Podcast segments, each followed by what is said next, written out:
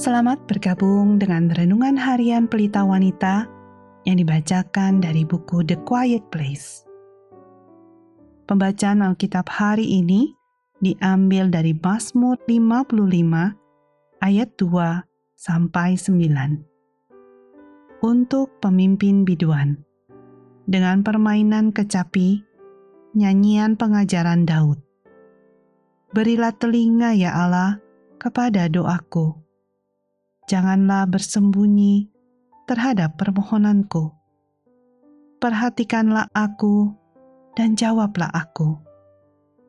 Aku mengembara dan menangis karena cemas, karena teriakan musuh, karena aniaya orang fasik, sebab mereka menimpakan kemalangan kepadaku, dan dengan geramnya mereka memusuhi aku hatiku gelisah. Kengerian maut telah menimpa aku. Aku dirudung takut dan gentar. Perasaan seram meliputi aku. Pikirku, sekiranya aku diberi sayap seperti merpati, aku akan terbang dan mencari tempat yang tenang.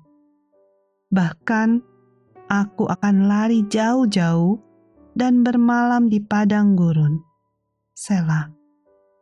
Aku akan segera mencari tempat perlindungan terhadap angin ribut dan badai. Ayat kunci hari ini adalah dari Mazmur 55 ayat 9. Aku akan segera mencari tempat perlindungan terhadap angin ribut dan badai. Tempat teduh Anda.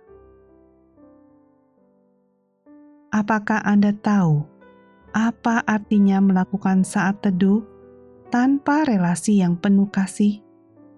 Saya tahu kita menjalankan kerutinan membaca Alkitab dan mengucapkan doa-doa tanpa sungguh-sungguh menumbuhkan sebuah relasi yang penuh kasih dengan Kristus kita sibuk dengan berbagai kegiatan rohani, tetapi kita kehilangan pengertian akan siapa yang kita layani dan mengapa.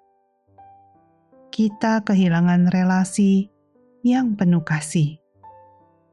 Saya mengamati bahwa salah satu tanda yang paling jelas akan kondisi ini bisa ditemukan dalam respon kita ketika kita berada di bawah tekanan.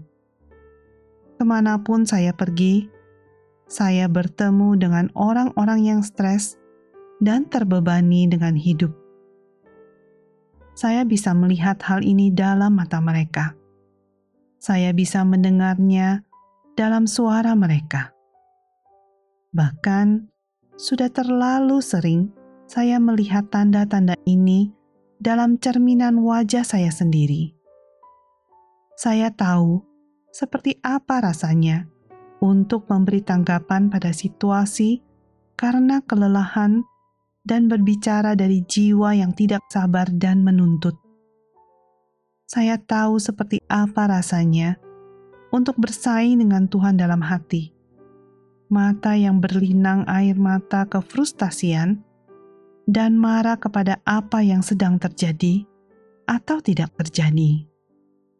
Saya hanya menemukan satu tempat di mana jiwa yang stres, penuh kemarahan, dan selalu penuh reaksi ini bisa diubah. Dengan sengaja dan penuh kesadaran, memilih untuk duduk di kaki Tuhan Yesus setiap hari, mendengarkan firman-Nya menerima kasihnya dan menerima perubahan yang darinya untuk memiliki devosi bagi dirinya.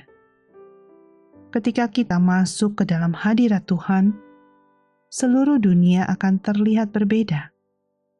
Ketika kita membawa diri untuk mendekat dengan hatinya, kita akan menemukan belas kasihannya padahal kita hanya pantas menerima penghakiman.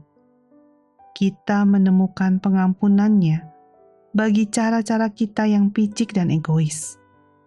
Kita menemukan anugerahnya bagi semua kekurangan kita. Damai bagi hati kita yang gelisah.